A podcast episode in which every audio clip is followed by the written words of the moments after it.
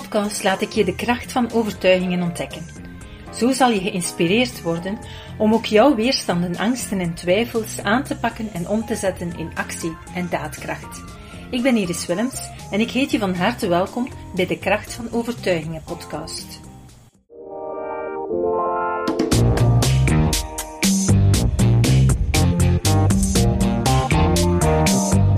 Deze podcast ga ik het vandaag hebben over het innerlijke conflict dat we soms hebben tussen de ambitie om goede vader of moeder te zijn en onze ambitie om ja, onze carrière uit te bouwen. Hè.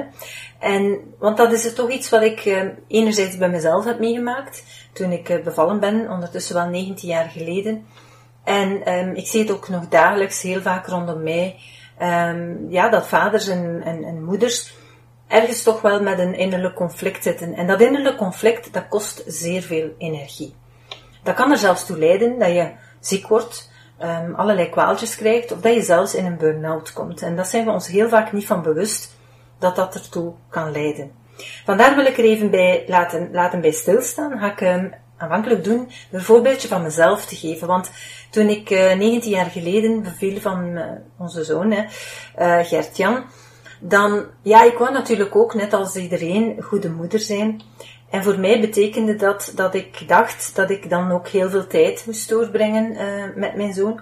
Tegelijkertijd had ik de ambitie om mijn bedrijf ook te laten groeien. Dus dat was echt wel, ja, die tweestrijd daartussen. Ik was me daar niet 100% van bewust. Ik voelde natuurlijk wel van ik wil die beide goed doen, zoals de meesten dat denk ik wel uh, beseffen. Maar de, de ware toedracht en de diepgang van het effect daarvan was ik mij eigenlijk niet bewust.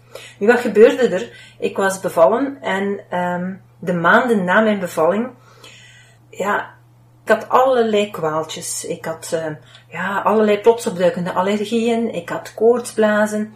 Um, ik was natuurlijk ook moe. Ik had zelfs uh, driemaal de griep terwijl ik ingeënt was tegen die griep. Maak darmklachten, van alles, tot zelfs een hersenvliesontsteking toe. En toen, dat was ondertussen al negen maanden aan de gang, echt van het een en het ander sukkelen. Bij artsen lopen, allerlei ja, medicatie, voor dat dan uh, proberen weer onder controle te krijgen. En na negen maanden dacht ik van, dit klopt hier niet. Um, ik ben eigenlijk niet goed bezig met dat eigenlijk altijd via medicatie te gaan oplossen.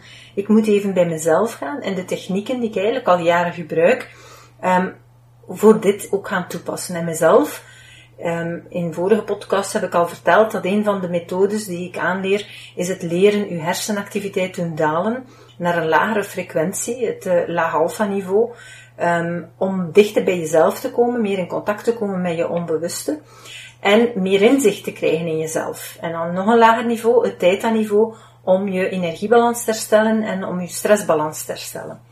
Nu, na mijn bevalling Um, ja, ik, ik zat zo in die vicieuze cirkel van die kwaaltjes, dat ik daar eigenlijk niet bij stil stond van, ja, probeer het dus op een andere manier dan bij de dokter te lopen.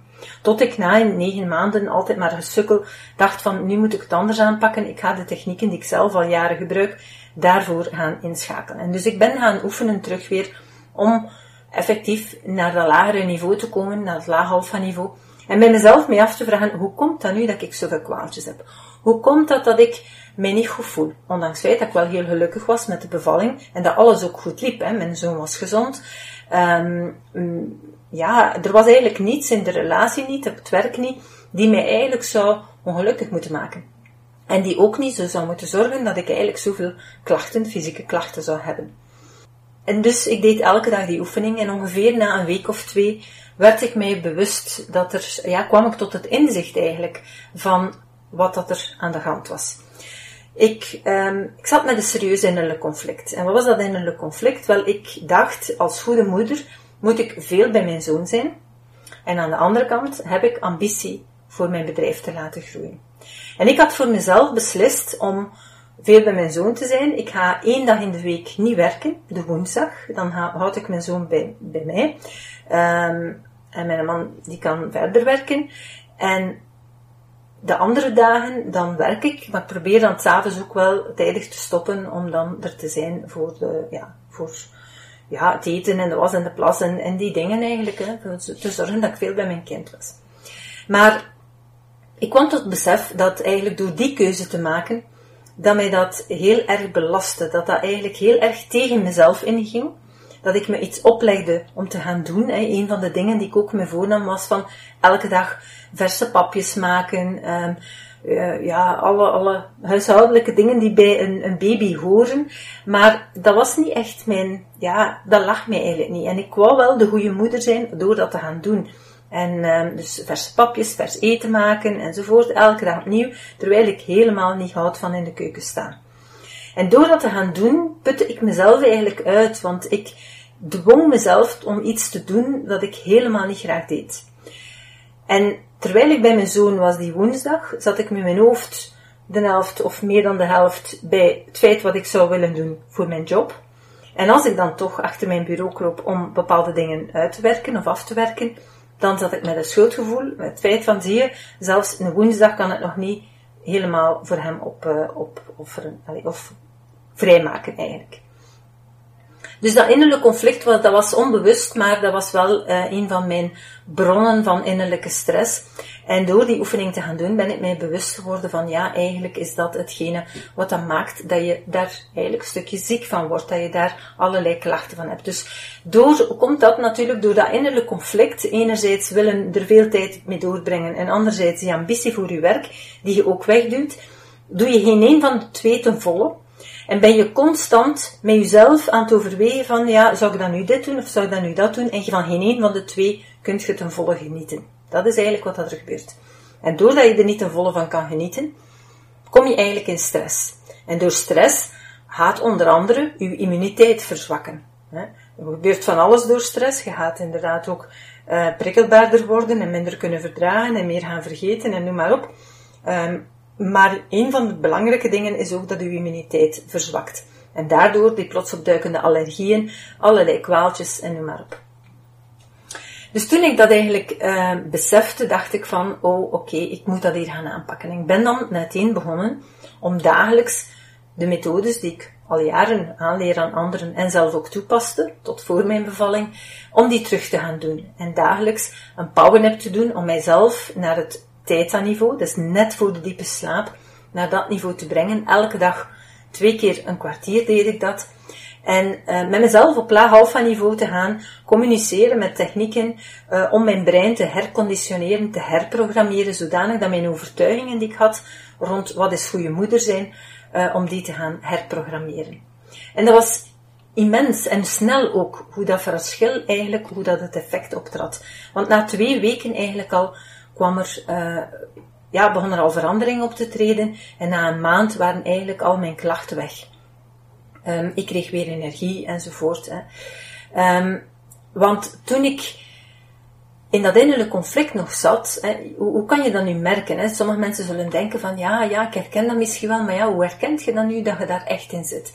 Wel, bijvoorbeeld toen ik s'nachts opstond om de papfles te geven, dan was er een stemmetje in mijn hoofd die zei van, je zou beter in je bed kruipen, want je bent zo moe. Maar als ik in mijn bed bleef en ik vroeg aan mijn man, Geert, om op te staan en om de papfles te geven, dan was er een ander stemmetje die zei, zie je, zelfs dat kunt je nog niet. Je bent geen goede moeder. En dus als ik ook met werk, als ik ging werken, dacht ik van, zie je, ik kan zelfs die tijd niet maken. En als ik met mijn zoon bezig was, dacht ik, ja, maar ik zou eigenlijk dat en dat en dat nog willen afwerken, want anders gaat mijn zaak niet vooruit gaan. Dat zijn die innerlijke conflicten. En die kosten u massa's veel energie. Dus het is heel belangrijk dat je daar even bij stilstaat en gaat alert voor worden van wat zijn eigenlijk al die gedachten in je hoofd die je van hier naar daar gaan trekken en die je eigenlijk ja, van het een uiterste naar het ander willen gaan trekken, maar eigenlijk is er nergens een heel goede oplossing. Je doet alles maar half op dat moment. Dus toen ik dat inzag, dat dat aan de basis lag, ben ik dus gaan oefenen met die powernaps elke dag. En um, heb ik natuurlijk ook een aantal beslissingen genomen om zaken te veranderen. Ik heb meteen beslist van oké, ik ga wel vijf dagen werken. Ik doe mijn zoon vijf dagen naar de onthaalmoeder. Maar ik ga ervoor zorgen dat op het moment dat ik um, stop met werken, en ik had me dan zelf voorgenomen van oké, ik stop rond een uur of zes met werken, en dan ga ik mijn kind afhalen van de onthaalmoeder, en dan ga ik zorgen dat ik er um, echt toegewijd een uur of twee uur, hè, dan gelang, um, mee bezig ben. En dat ik er dan ook 100% voor ben. Ik heb voor mezelf ook beslist om al het verse uh, maken van papjes en van, van voeding, om dat, um, even uh, ja, te cancelen en voor de papjes echt met potjes um, fruitpap te gaan werken, zodanig dat ik eigenlijk dat eigenlijk allemaal niet meer had. En dat ik mij volledig kon richten op het feit van, ik ben er voor mijn kind. En ik heb aandacht om met hem leuke dingen te doen, om met hem te spelen, natuurlijk ook wel te, ver, te verzorgen enzovoort. Maar vooral ook om aandacht te geven. Zodanig dat de kwaliteit van mijn tijd primeerde en niet de kwantiteit, niet de hoeveelheid. Want als ik acht uur bij mijn zoon ben, met een gevoel van ja, ik zou dit en dat willen doen en ik ben er maar met mijn hoofd een half of, of misschien maar een vierde bij, dan is dat eigenlijk niet waardevol. Het is dan beter dat ik maar een vierde van de tijd bij hem ben, of zelfs nog, maar, nog minder, dat ik misschien hè, maar een uur ermee bezig ben, maar dat, ik, dat die wel 100% is, dat die kwaliteit veel hoger is. Dat geeft dat kind veel meer aan dan iemand die 10, 12 uur er is, maar eigenlijk stress krijgt door, door het feit dat, ja, dat die manier van leven hem niet ligt of niet, aan, niet gaat. Dus durf daar ja, bij stil te staan, want we zijn zodanig meegetrokken met wat dat er verwacht wordt van u door de omgeving en de norm van wat men zo gezegd verwacht van een goede moeder te zijn, dat is dat je er constant hè, voor gaat zorgen. Um, dat zijn veronderstellingen, dat zijn overtuigingen die je hebt meegekregen en die je zelf hebt uh, aangepraat. En dat geldt niet alleen voor moeders trouwens, hè, dat geldt evengoed voor vaders. Um, dus maar belangrijk is om te gaan kijken van wat heb ik als overtuigingen die daarachter zitten. Wat zijn eigenlijk de dingen die je doet omdat je denkt dat je ze moet doen, terwijl je ze eigenlijk helemaal niet graag doet. Dus mijn betekenis van goede moeder zijn was in feite uzelf opzij schuiven. En heel veel mensen hebben dat. Goede moeder, goede vader zijn, is uzelf aan de kant schuiven. En dan natuurlijk wilt je zorgen dat je kind het goed heeft, dus je moet gaan werken, je hebt een job, je wilt daar ook hard je best voor doen. Dus dat is ook de overtuiging dat het moet zien dat dat kind alles heeft. Maar tegelijkertijd moet ik er ook altijd zijn. En die twee zijn natuurlijk heel moeilijk verzoenbaar om er altijd te zijn en tegelijkertijd ambitie te hebben om te zorgen dat er heel goed uh, inkomen is voor je kind om alles te kunnen gaan geven. Dus dat zijn eigenlijk zaken die sowieso conflicten met zich meebrengen. Dus ik heb dan bij mezelf ook overtuigingen gaan herprogrammeren. Via het laag alpha niveau ben ik mezelf gaan herconditioneren en heb ik een aantal nieuwe overtuigingen ingeprent. Die nieuwe overtuigingen zijn bijvoorbeeld, ik ben een goede moeder, ook als ik mijn ambities nastreef. Zolang dat je dat zelf niet kunt geloven, een goede moeder of goede vader, zolang ik mijn ambities, ook als ik mijn ambities nastreef, zolang dat je dat niet kan geloven, ga je altijd met dat innerlijke conflict zitten en dan kost u dat zeer veel energie. Ik heb mij ook ingeprent. Het is de kwaliteit en niet de kwantiteit van de tijd die telt. En dat is ook zo. Hè. Je maakt u daar niets mee wijs. Dat is ook werkelijk zo. Een kind heeft veel meer aan u als je er bijvoorbeeld uh, een, uur of een half uur mee bezig bent en leuke spelletjes mee speelt en echt 100% aandacht hebt, dan dat je vijf uur Hans de dag met van alles bezig bent thuis, terwijl constant aanwezig bent, maar niets van aandacht kan geven aan je kind. En dat gebeurt bij heel veel mensen die zijn wel heel veel uren bij hun kinderen, maar die kwaliteit van die uren, die trekt op niets. Terwijl dat ze bij die kinderen zijn, zijn ze ook bezig of aan naar tv te kijken, of aan thuis op social media bezig, of aan het poetsen, of aan het strijken, of aan weet ik wat aan het doen. Um, daar heeft uw kind ook niets aan. Je bent dan wel thuis, je bent dan wel niet op uw werk, maar dat is kwalitatief geen goede tijd voor je kinderen. Dus het is niet de hoeveelheid, maar de kwaliteit die telt. Ik zeg ook heel vaak tegen mensen die, uh, die kleine kinderen hebben en die bijvoorbeeld thuiskomen van, van school en die lastig zijn. Dat kind heeft stress. Dat kind heeft ook alle indrukken van, van de dag moeten verwerken. En dat heeft ook een stukje aandacht nodig. Aandacht, maar rustige aandacht. En wat doen we dan meestal? Heel veel mensen die dan druk zijn, gaan snel de kinderen gaan ophalen van, van school of van de crash of van waar dan ook. Zijn dan zelf gejaagd en wat moet nog, nog eten maken, moet nog dit doen, moet nog dat doen. En dus de kinderen komen thuis en de ouder is al gejaagd van, moet nog rap dit en dat allemaal klaar doen. Dat kind heeft daar zelf niets aan. Maar dat heeft wel nood op dat moment aan een uitlaatklep. Aan een keer te kunnen vertellen wat er op school is gebeurd. Of aan gewoon een keer samen iets plezant doen, los van school. Um, maar dat kan niet op dat moment, want ja, het moet allemaal snel gaan en we moeten dit klaarmaken en het moet nog klaar zijn, want we moeten nog naar een of andere sportclub of wat dan ook.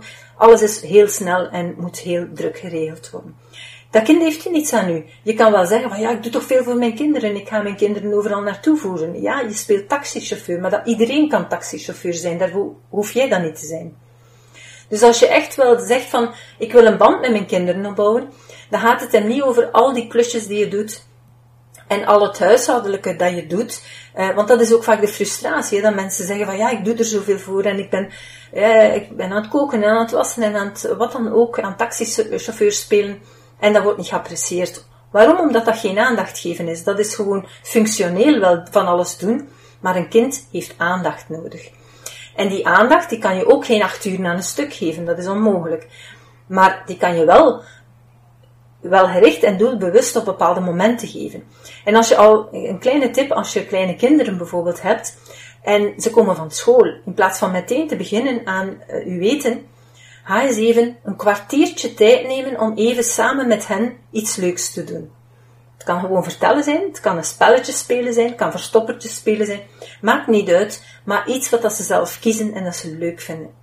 Dat kwartier aandacht, dat vraagt een kwartier tijd van jou, maar je gaat dat dubbel en dik terugverdienen. Want na dat kwartier zijn ze weer opgeladen hebben ze eigenlijk een stukje voldoende aandacht gekregen en dan kunnen ze zich weer alleen bezighouden en gaan ze ook veel gemakkelijker terug weer kunnen hun huiswerk maken of wat dan ook op een eentje. Terwijl als je dat niet doet en ze beginnen, komen thuis en je bent direct in de drukte gaan met eten, ja ik heb geen tijd en dan creëer je nog extra stress bij hen, waardoor ze ja, eigenlijk nog meer nood hebben aan die uitlaatklep en aan die aandacht, terwijl dat je die helemaal niet geeft. Dus het gaat niet over de uren dat je erbij aanwezig bent, maar het gaat hem wel over de kwaliteit.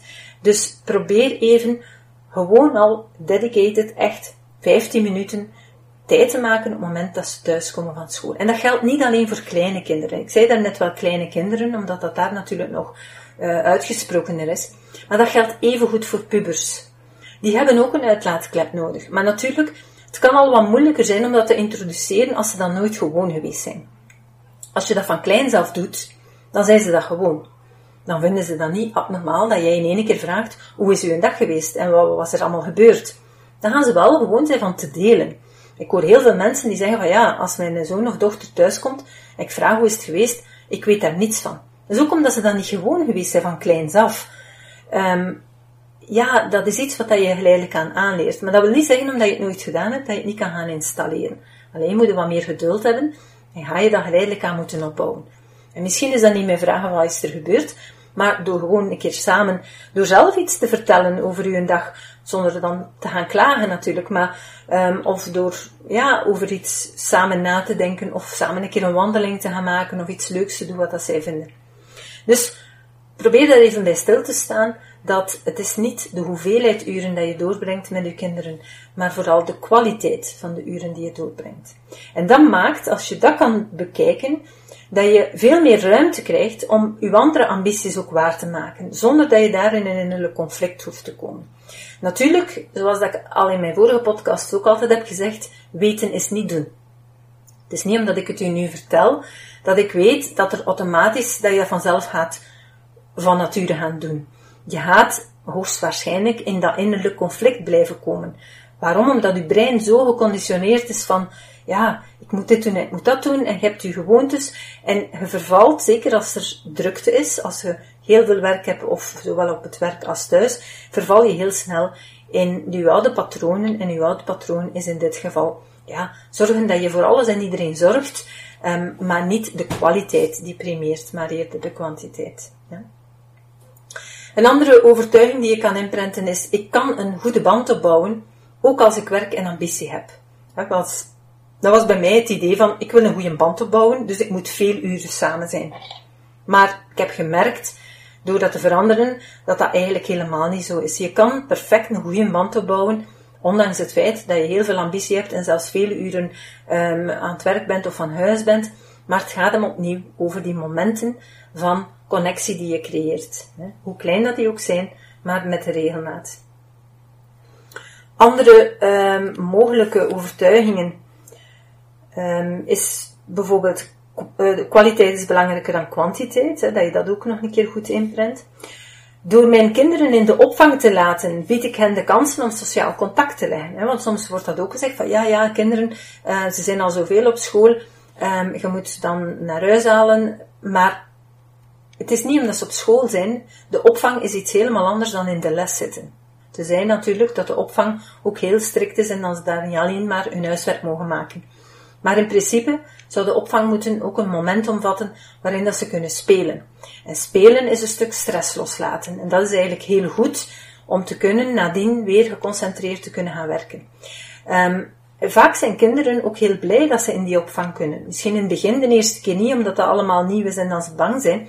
Maar een keer dat ze daar eigenlijk gewoon zijn, dan is dat voor hen ook een moment van echt met vriendjes leuke dingen doen. Veel leuker dan thuis alleen, bijvoorbeeld. Of met een broer of zus ruzie mee maken. Dus het is niet noodzakelijk slecht om die opvang te gaan voorzien. Een andere overtuiging kan zijn, door mijn kinderen zelf veel te laten doen, maak ik hen zelfstandiger. En dan spreek ik vooral ook al op een iets oudere kinderen, hè, van 10, 11, 12 jaar en dan en ouder. Um, ik hoor ook veel mensen die bijna de slaaf zijn van hun kinderen. Die, zelfs al zijn die kinderen al 12, 13, 14, 15, 16, 17 jaar, dat die nog altijd alles moeten doen. De was, de plas, het eten maken, uh, opruimen, hun kamer opkuisen, uh, van alles eigenlijk, van A tot Z. Terwijl eh, dat dat eigenlijk juist, dat is niet normaal. Een kind moet ook leren om bepaalde taken op zich te nemen. En opnieuw, wat zit daar heel vaak achter? Doordat we hele dagen druk bezig zijn met ons eigen werk en, en ambities, voelen we een schuldgevoel. Een schuldgevoel van, oei oei, ik ben er niet zoveel, ben heel hard aan het werken. Ja, ik moet nu ook nog veel doen voor mijn kind om te tonen dat ik dat graag zie. Onbewust, hè. misschien denk je dat niet bewust, maar onbewust is dat, zit dat daar wel. Je wil compenseren. Maar je compenseert niet in aandacht geven, maar in dingen doen. Zoals bij mij het vers eten maken. Dat kind dat ligt daar niet van wakker. Ik moet wel zorgen voor gezond eten, maar of dat ik dat nu gemaakt heb of iemand anders, daar ligt dat kind niet van wakker. Dat gaat daar ook niet meer of minder door eten en dat gaat daar ook niet uh, gelukkiger door worden. Maar als ik met mijn kind speel en dat elke dag tijd vermaakt, dan gaat dat kind wel gelukkiger van worden. Dus we gaan heel vaak zelf verkeerde prioriteiten leggen en verkeerde tijd stoppen in dingen om zogezegd voor ons kinderen goed te doen. Niet om zogezegd, je wil dat letterlijk wel doen, maar het heeft geen effect of het, het wordt niet geapprecieerd omdat het ook eigenlijk voor hen weinig toegevoegde waarde heeft. Het feit dat je elke dag, uh, dat je altijd zorgt voor de was en de plas en dat alles mooi uh, opgevouwen is, daar liggen zij eigenlijk niet van wakker. Voor jou is dat wel, je doet dat uit liefde, maar zij staan daar niet bij stil dat je dat voor hen doet. Dus je bent heel veel uren bezig met dingen te doen, omdat je je eigen uh, ja, wil gaan een goed gevoel geven en het gevoel krijgen van ik ben goede moeder, terwijl dat dat voor een kind daar niet mee gerelateerd wordt. Je zou even goed kunnen, een keer dat ze al wat ouder zijn, kunnen we hen bijvoorbeeld gaan starten en te zeggen van oké, we gaan samen strijken. Je koopt een tweede strijkplank, een tweede strijkijzer en je laat ze samen met je strijken. Dan ben je wel samen met iets bezig, je leert hen iets aan. Als je daar vroeg genoeg mee start, dan gaan ze dat verder zetten. Als je dan natuurlijk maar begint te vragen, als ze midden in hun puberteit zitten, dan heb je een probleem. Hè, want zij zijn het niet gewoon. En op dat moment moet je dan natuurlijk niet gaan vragen. Um, dus heel veel dingen zijn opvoeding. En door ze dat tijdig te gaan leren, maak je ze ook zelfstandig. Dat wil niet zeggen dat je ze alle werkjes gaat dumpen en zeggen, trek jij je plan en doe dat allemaal voor mij, want ik ga ondertussen andere dingen doen maar dat je wel samen met hen gaat zorgen om bepaalde taken te gaan delen. En dat je op dat moment kunt je er ook een moment van aandacht van maken. Dat je samen, samen poetsen, maar niet uh, met te zitten vitten van je doet het niet goed en je moet dat nog doen, maar eerder als een leuk moment. En dan te belonen door het feit van, oké, we hebben nu dat gepoetst, dus dat heeft mij zoveel tijd opgebracht. Nu hebben we tijd om samen weer iets te doen wat dat jij graag doet. Wat dat kind graag doet. Dus op die manier kan je eigenlijk heel veel dingen gaan, uh, gaan veranderen. Hè. Dus, maar je moet eerst je eigen overtuiging gaan veranderen dat dat ja, ook een goede vader- of moederrol zij is um, als je je kind vraagt om mee te helpen in het huishouden bijvoorbeeld. Of als jij zegt van oké, ik heb nood om een keer te gaan sporten één keer in de week. Maar ja, ik kan dat niet, want ik moet elke dag zorgen voor verzeten thuis. Ook dat zijn jouw overtuigingen. Het kan, het, het kan geen kwaad om een keer één dag in de week te zeggen van oké, deze week, um, ik heb gisteren gekookt meteen voor morgen mee, of ik ga iets halen, of we gaan een keer frietjes eten, of gewoon weten twee keer boterhammen, of wat dan ook. Wat dat ook uw, uw voedingsschema is. Je kan dat gaan regelen, maar je kan ook zorgen dat er iets klaar staat die je kind gaat opwarmen bijvoorbeeld. Zodanig dat jij toch eens een avond kan gaan sporten. En dat je dan op een ander moment zorgt dat je dan wel even terug weer voor je kind bent. Je hoeft er niet elke dag te zijn.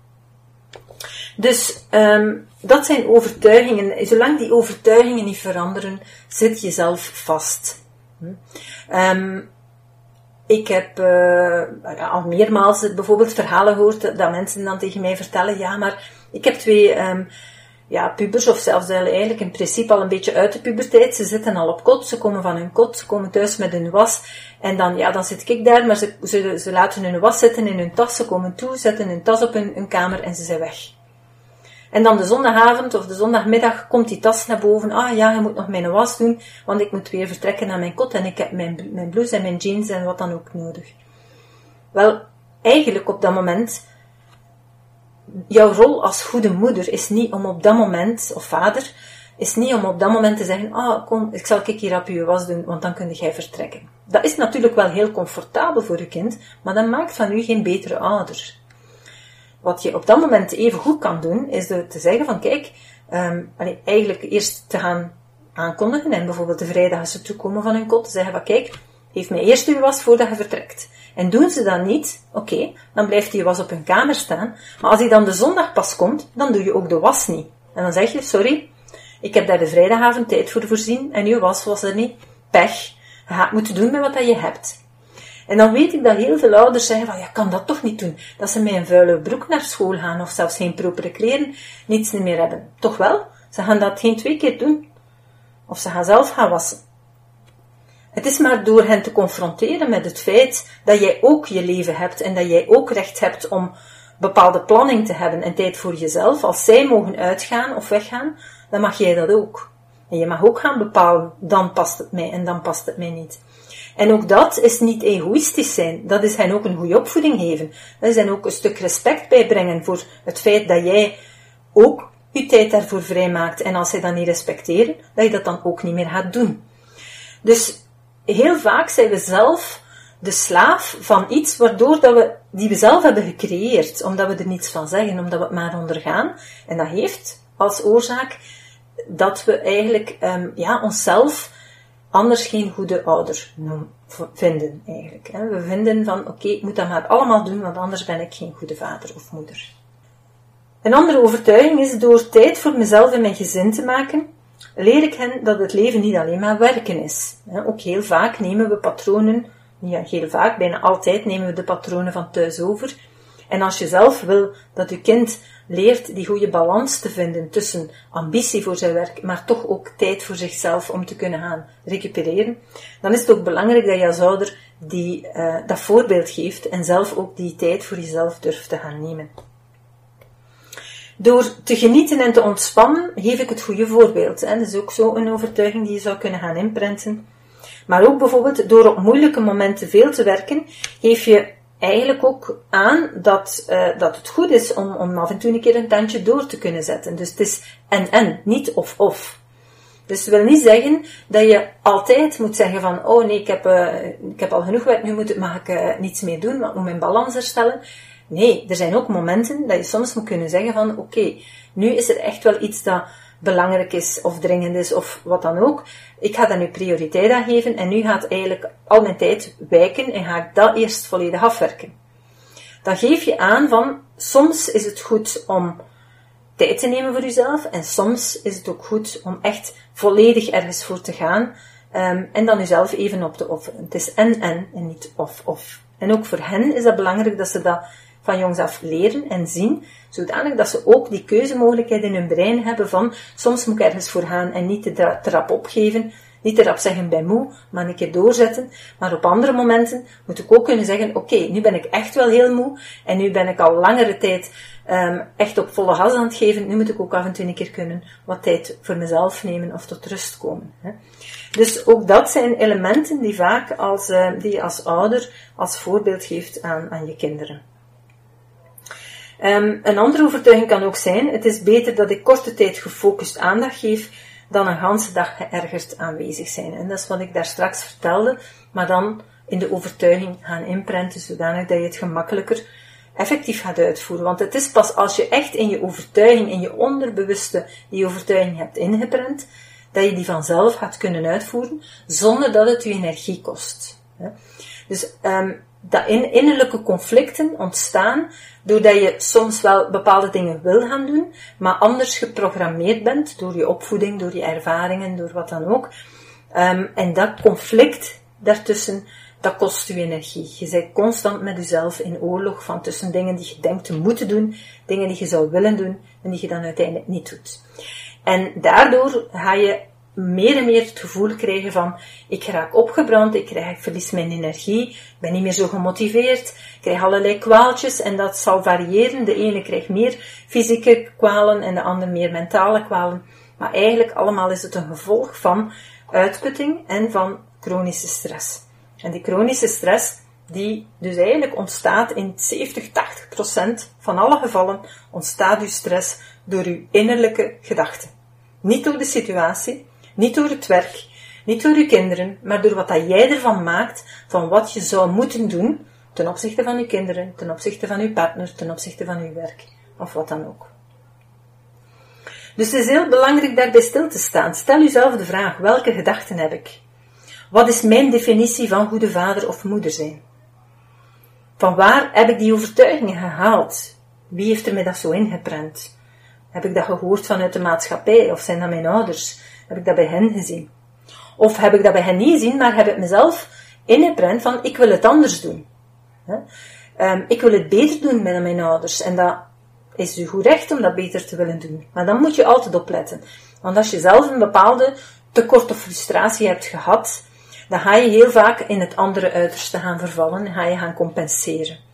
En geen van beide uitersten zijn goed. Hè. Het is altijd ergens in de hulde middenweg. Dus weet, als je dingen doet ter compensatie van wat dat jij niet gehad hebt of te weinig hebt gehad in jouw leven of jouw jeugd, dan ga je heel vaak overdrijven naar de andere kant. En ook dat is ook nooit goed. Alles waar te voor staat is niet goed. Dus ook in te veel aandacht of te veel je opofferen voor uw gezin is niet goed. Te weinig aan de andere kant. En altijd alleen maar aan uzelf denken is uiteraard ook niet goed. Dus het is die gulden middenweg. En die gulden middenweg is juist zo moeilijk te vinden, omdat we heel snel in die uiterste vervallen. Ofwel alles ofwel niets. Maar die tussenin, dat is heel moeilijk om te bereiken. Um, dat is op zich niet moeilijk om te bereiken, maar het is wel moeilijk omdat we eenzijdig geprogrammeerd zijn in onze overtuigingen. En zolang als dat er één van beide overtuigingen in zit, ga je altijd in uiterste vervallen. Iemand die bijvoorbeeld zijn mening niet zegt, die probeert op te komen voor zichzelf, die gaat heel vaak in het andere extreme. Waarom?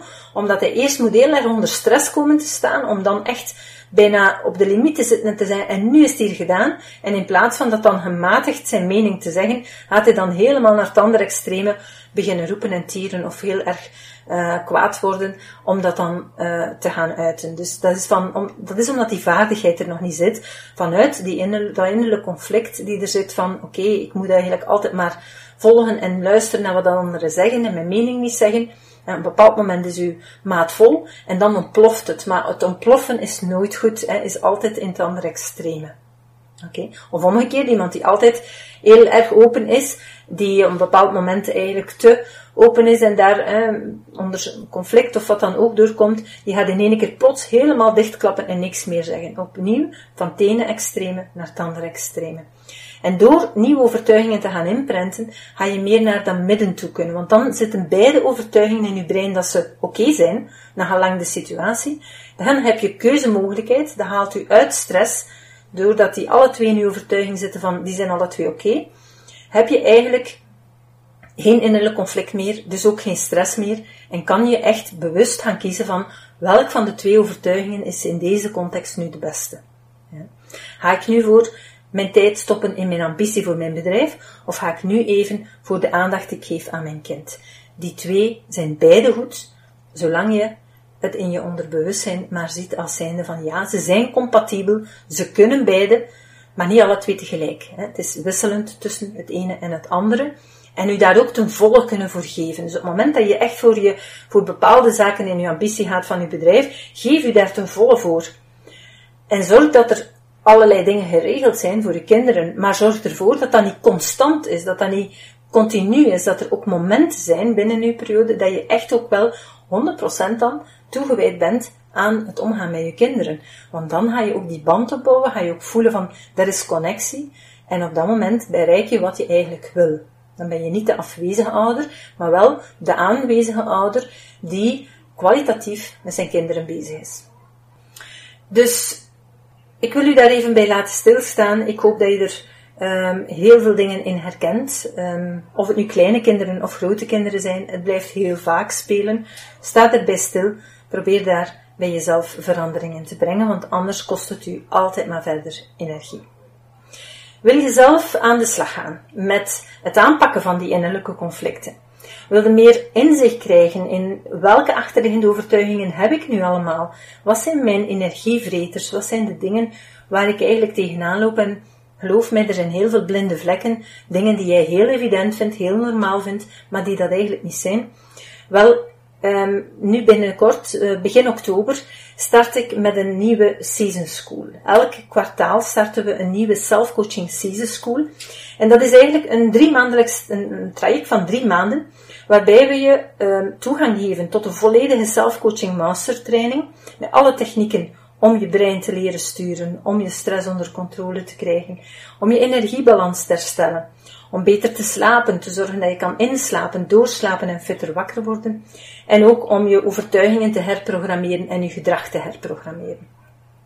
Die verschillende elementen gaan we doorheen drie maanden aanleren. Dat is met opgenomen video's in kleine stappen. Elke video is tussen de 10 en de 20 minuten met audio-oefeningen om echt mentaal te leren oefenen in het contact maken met jezelf, in het leren zakken van uw hersenactiviteit, in het um, herstellen van uw energiebalans, um, uw autonoom zenuwstelsel terug in balans gaan brengen en in het leren herprogrammeren van uw brein, van uw overtuigingen en dergelijke.